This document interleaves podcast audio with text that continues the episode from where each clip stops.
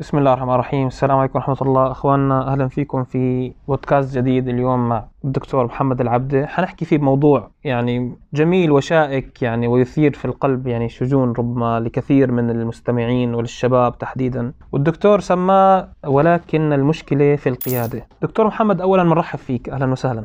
حياكم الله. أهلا.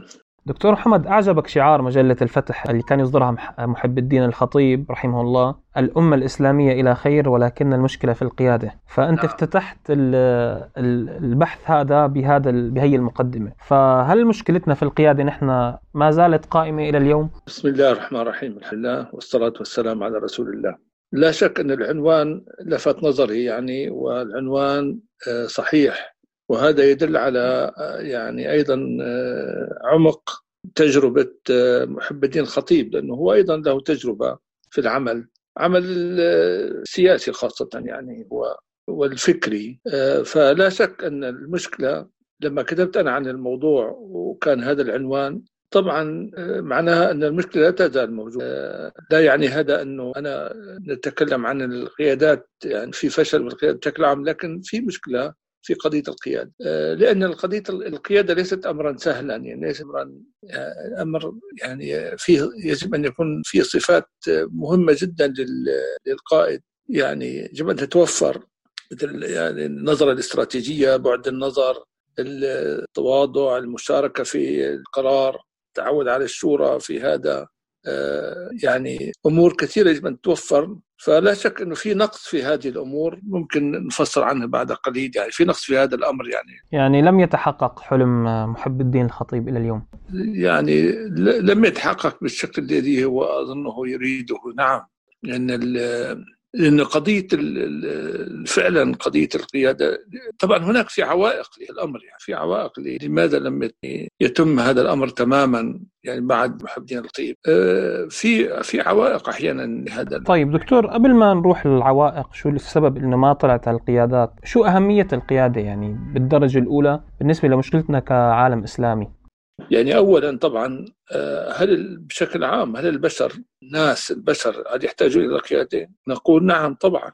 يعني طبيعة الإنسان كإنسان كما جاء في الحديث آه، الرسول صلى الله عليه وسلم الناس كإبل ماء لا تجد فيهم الراحلة. فالرسول صلى الله عليه وسلم هنا يبين أنه لابد أن يكون في الناس في قيادة. كل مئة من الإبل في راحلة. معناتها كل يعني عادة القيادات قليلة. يجب أن تكون موجود الله سبحانه وتعالى وصف سيدنا إبراهيم إن إبراهيم كان أمة قانتا لله حنيفا. يعني كان أمة يعني إماما للناس يعني قدوة. فمعناتها الأنبياء آه، وهم وهم قادة أيضا. الأنبياء قدوة. فمعناتها البشر يحتاجون إلى إلى قيادة. وفي ناس طبيعي إنه يتبعون القيادة على بصيرة. هذا شيء جيد. في ناس يحبوا أن يكونوا مع القيادة. يعني طبيعتهم إنه يحب أن أن واحد يعني يسيرون معه يثقون به ويمشون يمشون معه. فلا بد من القيادة يعني. هذا أكيد يعني. تماما. طب دكتور إذا بدنا نسأل مين هم القادة؟ يعني أنت بالكتاب دكتور ذكرت إنه العلماء هم ورثة الأنبياء وأنت مقتبس الكلام من حديث صحيح وأشرت إنه يعني الأنبياء هم قادة مجتمعاتهم وإنه العلماء ما بعد الأنبياء هم اللي بيقودوا المجتمعات. فهلأ السؤال هون دكتور اولا في في عندي سؤال على موضوع على موضوع تعريف كلمة العلماء في العصر الحالي واللي هو مقصود من الحديث. لأنه هلا كثير ناس بيطلقوا على أنفسهم علماء جمعية العلماء رابطة العلماء مجلس العلماء. بالدول كل دولة صار عندها مجلس علماء. هل العلماء هدول هم المقصودين انه العلماء ورثة الأنبياء اللي أنت يعني استشهدت فيهم انه هن قادة المجتمع؟ ولا لا في تفصيل لمصطلح العلماء مين هن العلماء المقصودين بهذا الكلام؟ يا ريت فهمنا هي هي الصورة لو سمحت. يعني عندما يقول الرسول صلى الله عليه وسلم العلماء آه، ورثة معناها يعني يعني آه، يعني يسيرون على سنة الأنبياء تماما. يعني في في في في العقيدة في الدين في في الأخلاق في السيرة في طريقة التعامل مع الناس في التواضع في الأخلاق الحسنة. فمعناها إنه هذه العلماء لهم صفات خاصة. يعني غير العلم الذي هو لابد أن يكون ضروري علم الكتاب والسنة. أن يكونوا أيضا يعني علماء ربانيين. ربانيين بمعنى أنهم يربون الناس وربانيين بمعنى أنه يعني يهتمون بالناس يهتمون بعموم الناس يهتمون بمشاكل الناس يعرفون الواقع أيضا. فهذا العلماء اللي بيكونوا ورثة الأنبياء الأنبياء كانوا كما جاء في الحديث أيضا أنه كان بنو إسرائيل تسوسهم الأنبياء. فلما فقالوا الصحابة يعني والرسول صلى الله عليه وسلم خاتم الأنبياء. قال يأتي خلفاء بعد الخلفاء. فاذا إذا لما نقول ورثه انبياء معناها يتصفون بالقدوه إن الأنبياء قدوة لهم النبي صلى الله عليه وسلم قدوة لهم في طريقته في تعامله مع الصحابة تعامله مع المجتمع في قيادته للدولة. كيف قاد كيف ربى الصحابة كيف ربى الناس. فهذا طبعا لا شك إذا كان في علماء من هذا النوع فهم ورثة انبياء طبعا. وهم قادة المجتمع يعني قادة المسلمين. يعني حتى لو كان في قيادة سياسية فرضا يعني حكومية لكن لكن علماء بالأمة الإسلامية يكونون لهم أيضا قيادة في للمجتمع وهم هم هم الأصل للقادة. هم كما جاء في الآية الله ورسوله الأمر منكم. قالوا يعني بعضهم يقول العلماء وبعضهم يقول الأمراء والعلماء. ف طب دكتور بتلاحظ إنه في وقتنا الحالي بنعاني من يعني من مشكلة الألقاب يعني مثلا مشكلة أنه من هو العالم بالتعريف اللي أنت تفضلت فيه؟ يعني مثلا نحن عندنا مشكلة بصراحة إذا بتلاحظ على الإعلام على حتى بين دوائر المختصين بأمور الشريعة والعلوم الشرعية كل شخص مثلا ممكن يكون حاصل على بكالوريوس أو على شهادة آه، عليا مثلا مثل الدكتوراه أو شيء يطلق عليه لقب عالم. يعني وبعض الأحيان بجوز بيتم يعني تضخيم الأمور بيوصف بالعلامة آه، ألا تلاحظ أنه نعاني من فوضى ألقاب بالوقت الحالي؟ لا شك في يعني لا شك في تساهل في مبالغات في هذا الأمر وعدم تدقيق ومع أنه هذه الأمور يعني مهمة بعض الناس لا لا يهتم بها لأن لما نصف واحد عالم وهو ليس بعالم يعني قد يكون طالب علم قد يكون باحث في قضية معينة قد يكون باحث في آه، مذهب معين مثلا. لكن لما نقول عالم وبعدين نقول أكثر من هذا نقول علامة هذا لا شك أنه يعمل فوضى لأنه إذا كان هذا الذي هو لم يصل إلى درجة العالم مثلا بمعنى التمكن التمكن بالكتاب والسنة والتمكن ب يعني تفاصيل الشريعة وعموم الشريعة الفقه يعني ولا وأيضا على علم بالواقع المسلمين. آه، فماذا نقول إذا عن اللي هو أكبر منه بكثير؟ هذا علامة في طبعا في تساهل وفي تضخيم في فوضى هذا يسبب فوضى الحقيقة. يعني لابد أن نحترم الكلمات ونحترم الألقاب ونحترم المصطلحات. لأنه دكتور أنت تفضلت يعني بقولنا انه العلماء ورثة الأنبياء وأنت أشرت انه العلماء هون هن عم يلعبوا دور قادة وأنت أكدت على الموضوع يعني وشرحت وجهة النظر يعني بشكل أنه لا يدعو مجال للشك انه العلماء كانوا حتى مع بالتاريخ الإسلامي مع الأمراء. يعني ممكن ما يكون هو القائد السياسي لكنه هو القائد المجتمعي. على الأرض. بهذا السيناريو الدكتور اللي وصفته هل يوجد في وقتنا الحالي لدينا هؤلاء العلماء ضمن هذا التعريف اللي تفضلت فيه؟ والله هذه طبعا يعني هذا من الصعب أن نحكم الآن. قد يكون في بلد ما في مناطق ما في كذا يعني هذا هذا النوع. وهم قلة قلة قليلة جدا فرضا يعني. لكن بشكل عام طبعا هذا بشكل عام في نقص شديد في هذا في هذا الجانب الذين يكونون فعلا هم قادة يعني كل معنى الكلمة دكتور بتعريفك للقيادة والأشخاص اللي هن ممكن يكون مستلمين قيادة المجتمع الإسلامي أو الأمة الإسلامية كمان فصلت هيك تفصيل عن موضوع ليش لحد الآن ما طلعت عنا هي القيادة وشو أين الخلل في موضوع في الأمة الإسلامية حتى لم تظهر القيادات الإسلامية المنتظرة يعني فأين الخلل دكتور؟ نعم سؤال جيد آه، يعني خلينا نبدأ بال يعني منين نبدأ قضية القيادة. اولا يجب أن يكون منهج التدريس ومنهج التعليم يعني متميز. في البداية يعني يعني الطالب من الابتدائي والمتوسط أو غيره مدارس شرعيه أن يكون المناهج يعني مما مما تنمي فعلا عند عند الإنسان. ملكة, ملكة الفهم والنقد والتفكير. هذه أول نقطة يعني يجب أن تكون. وهذه تقريبا ضعيفة في المدارس. يعني النقطة النقطة الثانية منين تأتي بعدين كيف تكون القيادة؟ لابد أن يكون هناك يعني أي منظمة حتى لو شركة أي منظمة ثقافية شرعية تجارية يجب أن يكون فيها شورى. يعني في في قيادة في إدارة في شورى. الشورى مع مع الزمن تساعد على إنتاج القيادة. يعني لما يتعود الإنسان على أن يشارك في القرار ويساهم في القرار وهكذا سنين يعني أو سنوات وهو يعني يتعود هذا ويزداد خبرة في قضية القرارات وقضية القيادة. فهذا مساعد مساعد أيضا. لما نأتي بعدين أشياء يعني لا تشجع على القيادة هذا طبعا يخف يقلل من وجود القيادات لما تكون القيادة مبنية على إما القرابة وإما الناس اللي يظهرون الحماس للقائد الموجود ويتزلفون له ويعطونه بعض المعلومات اللي هو يعرف إنه يفرح بها وهو يعني ويستفيدون هم هم يستفيدون منه وهو يستفيد منهم. فهذا طبعا ما راح يتخرج قادة بهالطريقة؟ أو لأنه أحيانا بالعمل الإسلامي أحيانا لازم يكون القائد مثلا من منطقة معينة أو بلد معين أو مثلا أكبرهم سنا وهذا لا ليس ضروريا أن يكون أكبرهم سنا ولكن فهذه مما مما يعيق أنه عدم وجود القيادات. دكتور انت ذكرت بيت شعر لطيف. الها بني تغلب عن كل مكرمة قصيدة قالها عمرو بن كلثوم. يعني بيت شعر للي بيعرف القصة صراحة كثير بليغ وجميل. تشرح عنه يعني وتربطه بموضوع الخلل. أيوه هو لما كان الحديث كلام بالمقال والكتاب عن العمل الإسلامي لما يصل إلى درجة الإعجاب بنفسه فيتوقف عن الإنتاج ويتوقف عن الإبداع ويتوقف عن ظهور قيادات لأنه هو خلاص وصل إلى مرحلة كل شيء تمام كل شيء كويس. فهذه المرحلة أنا استشهدت بالبيت الشعر هذا.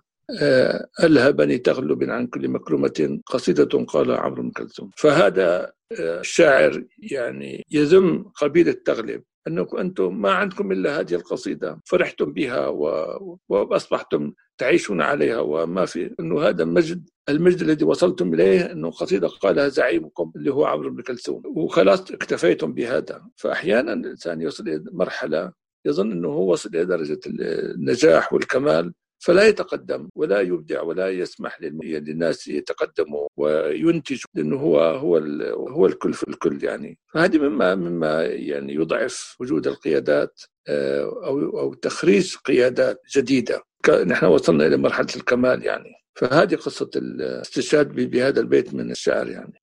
دكتور أشرت كمان أنت موضوع آه، أحد أسباب ليش خلل في ظهور القيادات. يعني هيك تطرقت لموضوع أنه ما في عندهم سياسة التفويض. فأنت آه، ذكرت أنه القيادة والتفويض فعال. استشهدت بحديث الرسول صلى الله عليه وسلم أنه ما أدري ما بقائي فيكم وفيكم أبو بكر وعمر. يعني وكأنه الرسول صلى الله عليه وسلم يعني في في في ظل حياته ووجوده اللهم صل عليه عم بي عم بيعد هدول القادة وعم بيهيئ للناس وجود إنه في في قادة بعدي والرسالة هي ليست خلص يعني الرسالة اكتملت وما أدري ما بقائي فيكم.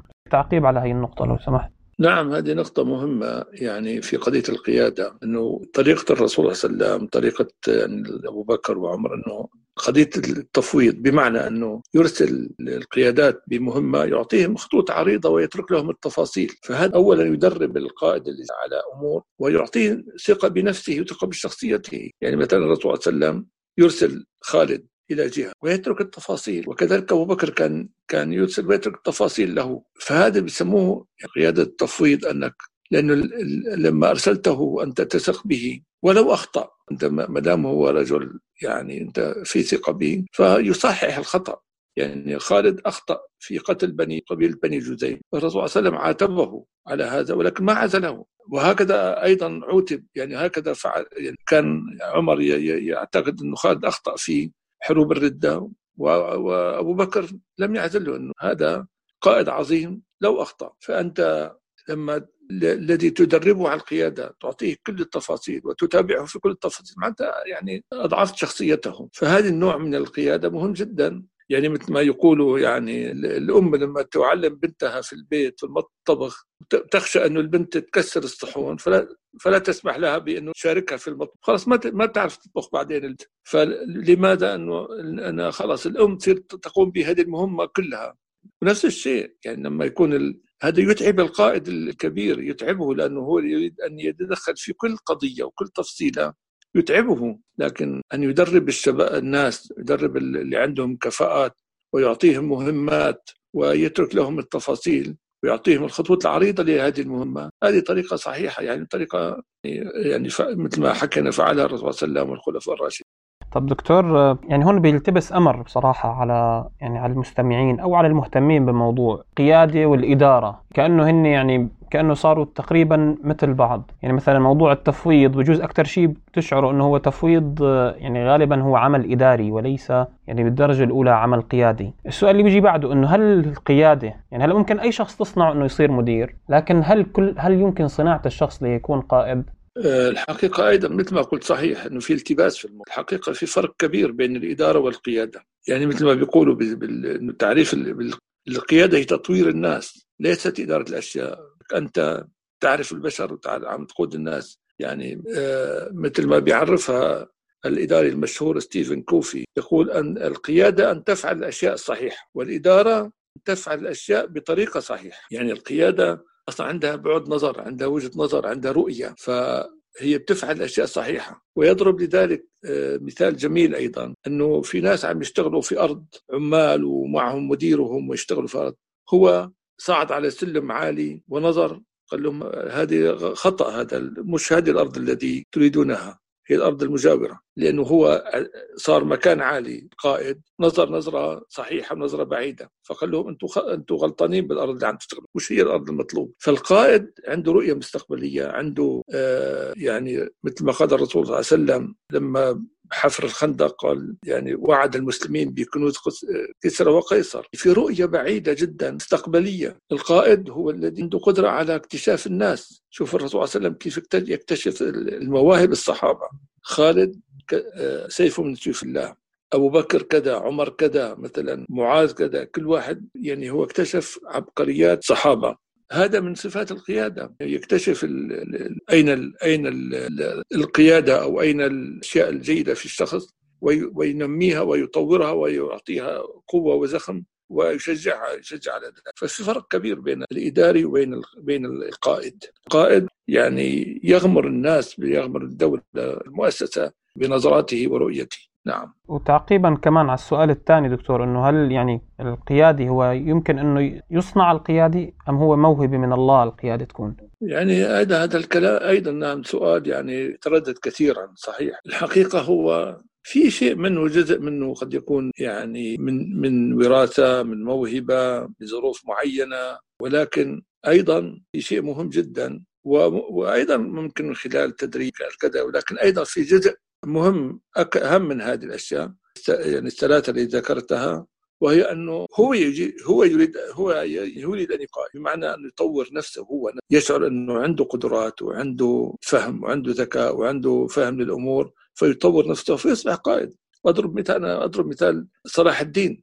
صلاح الدين الأيوبي يعني هو ولد في بيئة طبعا بيئة قيادية نوعا ما يعني أبوه والده وعمه أسد الدين شركو لكن أيضا هو ك... لما كان شاب ما كان متميز لكن لما أخذه عمه معه إلى مصر هنا بدأ هو نفسه. يطور نفسه يدير الأمور ويزداد فهما وقدرة على هو شاب لا يزال على الثلاثين آه، استطاع أن يفعل أشياء يعني جيدة وقوية تدل على هذا نتيجة هو يعني تدريب نفس تدريب داخلي هو نفسه. آه، غير يعني ظروف أخرى ساعدته اللي كانوا حوله من القيادات كان حوله قيادات أيضا حتى لما كان في مصر كان حوله قيادات. فهذا رأيي الجانب المهم في الموضوع هو الشخص نفسه غير قضية قد يكون في مدرسة معينة في علم معين في موهبة في أسرة معينة في بيئة معينة لكن هو يطور نفسه هو. دكتور الاستمرار بالحديث على مواضع الخلل ذكرت موضوع إنه الفردية وضربت مثال إنه نموذج قياده اللي هي متمركزة حوالين شخص إنه الشخص هو اللي بيأمر والآخرين هن اللي بينفذوا وضربت مثال مقابل إنه ليش ما تكون القيادة عبارة عن فريق إذا ما عندنا هذا الشخص الموجود. فحاب أنا دكتور أفهم منك هل أنت ترى إنه القيادة إذا لم يوجد الشخص هذا صاحب الموهبة اللي الله أعطاه إياها واللي قدر هو يستثمرها ويدرب نفسه إذا لم يوجد هالشخص فإنه البديل إنه يكون فريق عمل ليقود مثلا الجماعة أو ليقود الدولة. هذا اللي تراه دكتور؟ يعني هو الحقيقة خلينا إنه نحن نحتاج يعني بشر نحن كمسلمين الناس تحتاجون إلى قيادة. هذا هذا أول شيء. لابد من قيادة. هذه القيادة مثل ما ذكرنا القيادة غير الإدارة. قيادة فيها ميزات معينة. يعني في شخصيات سواء كان فردا أو جماعة في شخصيات يعني عنده قابلية للتجدد عنده قابلية للتجديد تجديد نفسه دائما واستفاده من الواقع استفادة من العلم عنده تواضع عنده مشاركة للآخرين واستشارة عنده يعني آه، يدرك ال... يدرك اللي إن الناس اللي حوله متنوعين مش كله مثل بعض مش كله مرق مثل بعض يعني مرق كربون يعني. هذا هذه القيادة نحتاجها. هلأ إذا كان فرد عب... إذا طلع فرد في عنده موهبة قيادة وقائد فعلا عنده هذه الصفات اللي ذكرناها لكن يجب أن يكون حوله أيضا ما يستطيع وحده. لو كان عبقري لا يستطيع لابد أن يكون آه، حوله فريق. يعني مثل ما الله سبحانه وتعالى ذكر عن الأنبياء أنه أنه أنه حولهم ربانيون. يعني كل حواريون. عيسى عليه السلام كان معه حواريون. الرسول صلى الله عليه وسلم كان كان يقول لكل نبي حواري وحواري زبير. فلا بد ان أيضا حول القائد أيضا نخبة تساعده فيه فاذا لما قلت أنا أنه إذا ما وجد فرضا ما في أنه والله قائد بمعنى موهوب فعلا فن القيادة ومتميز جدا تعويض عن هذا أن يكون في قيادات جماعية بمعنى فريق يعني. لكن حتى هذا الفريق لابد أن يكون واحد منهم يرأسهم طبعا. إنه هذا تعويض عنه أحيانا حتى يعني نبتعد عن قضية اللي بيقولوها الناس أو مش اللي بيحلموا فيها إنه البطل الوحيد الزعيم الأوحد ولا الذي يتصورون إنه في واحد يعني عبقري آه، وحده يستطيع أن يدير الأمور. هذا غير صحيح. حتى عبقري مثل سيدنا عمر وهو موصوف من الرسول صلى الله عليه وسلم بأنه عبقري ولكن كان كان يستشير في قضايا الكبرى. يجمع الصحابة ويستشيرهم. كان حوله الصحابة بل منعهم من الخروج من المدينة حشرين حوله ف فهذه القضية قضية أن لا نحلم لا ليس صحيح مش لا نحلم ليس صحيح أنه دائما نفكر بالمخلص كالمخلص العظيم أو الزعيم الأوحد هذا غير صحيح. فالمهم أنه إحنا بدنا قيادة بدنا قيادة بالصفات التي ذكرنا يعني يدرك يدرك ما حوله يدرك شوف الرسول صلى الله عليه وسلم كيف كان يعامل سيدنا عثمان. اختلف أحيانا في بعض الأمور عن معاملة عمر لأبو بكر. لأنه بيقول عثمان حيي أحيانا إذا رأى كذا لا لا لا, يتكلم بالموضوع. فكيف يعني يعرف ما هي نفسية سيدنا علي ما نفسية فلان نفسية فلان؟ هذا القائد. عدا عن التواضع الشديد عند الاستشارة والمشاركة. لا يغتر وأنه هو يعرف كل شيء. اي نعم. فسواء كانت القيادة فردية أو جماعية هم صفات القيادة بتكون مطلوبة يعني.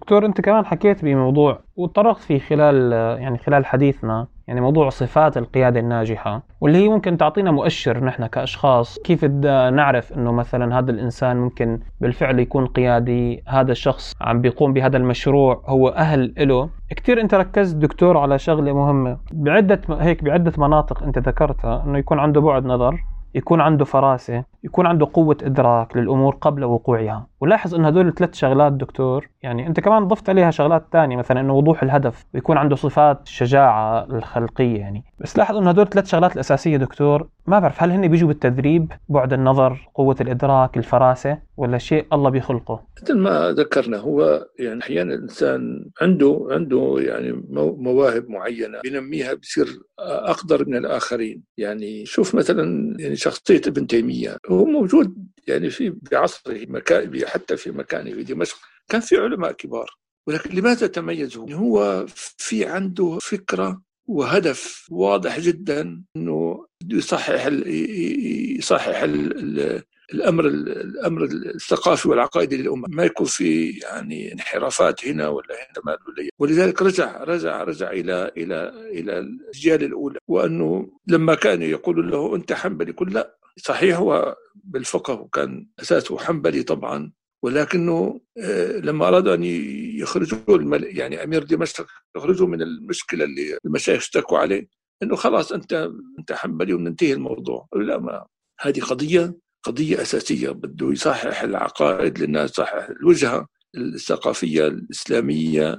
التراث الإسلامي فتميز عن بقية العلماء لأنه عنده وضوح في وضوح في الهدف اللي. طب دكتور لما ناخذ هيك أمثلة حية يعني أنا راح هيك بيخطر على بالي أنت عم تتفضل دكتور بالحكي إنه هل نحن بدنا ننتظر القائد المخلص؟ يعني عم تحفظنا على كلمة المخلص يعني القائد اللي الشخص اللي هو راح يمسك الأمور وينهض بالأمة. يعني ناخذ مثلا مثال من العصر الحديث مثلا يعني التجربة التركية أردوغان. يعني لا شك إنه لولا وجود هذا الشخص يعني بالتاريخ التركي الحديث يعني تركيا حاليا ليست هي تركيا ما قبل أردوغان. وما أتوقع أنه هي حتكون تركيا ما بعد أردوغان. يعني أتوقع دكتور ما أعرف إذا كلامي صحيح أنه بالفترة الأولى لما تكون الدولة أو الجماعة أو الأمة بشكل عام ضايعة بجوز بالدرجة الأولى بتحتاج هذا القائد لكن بعد ما هذا القائد يحط على سكة الحديد ربما يعني ممكن أنت تستغني عنه وتمسك هي الدولة قيادة لأنه القائد ممكن يوصل لمرحلة أنه خلص آه، ربما يكرر نفسه أو يوصل لمرحلة أنه هو كل شيء اللي عنده بيقدر يسواه سواه وبيجي الشغل على على الناس اللي بيصنعهم خلال تواجده فشو رأيك بهي الفكرة؟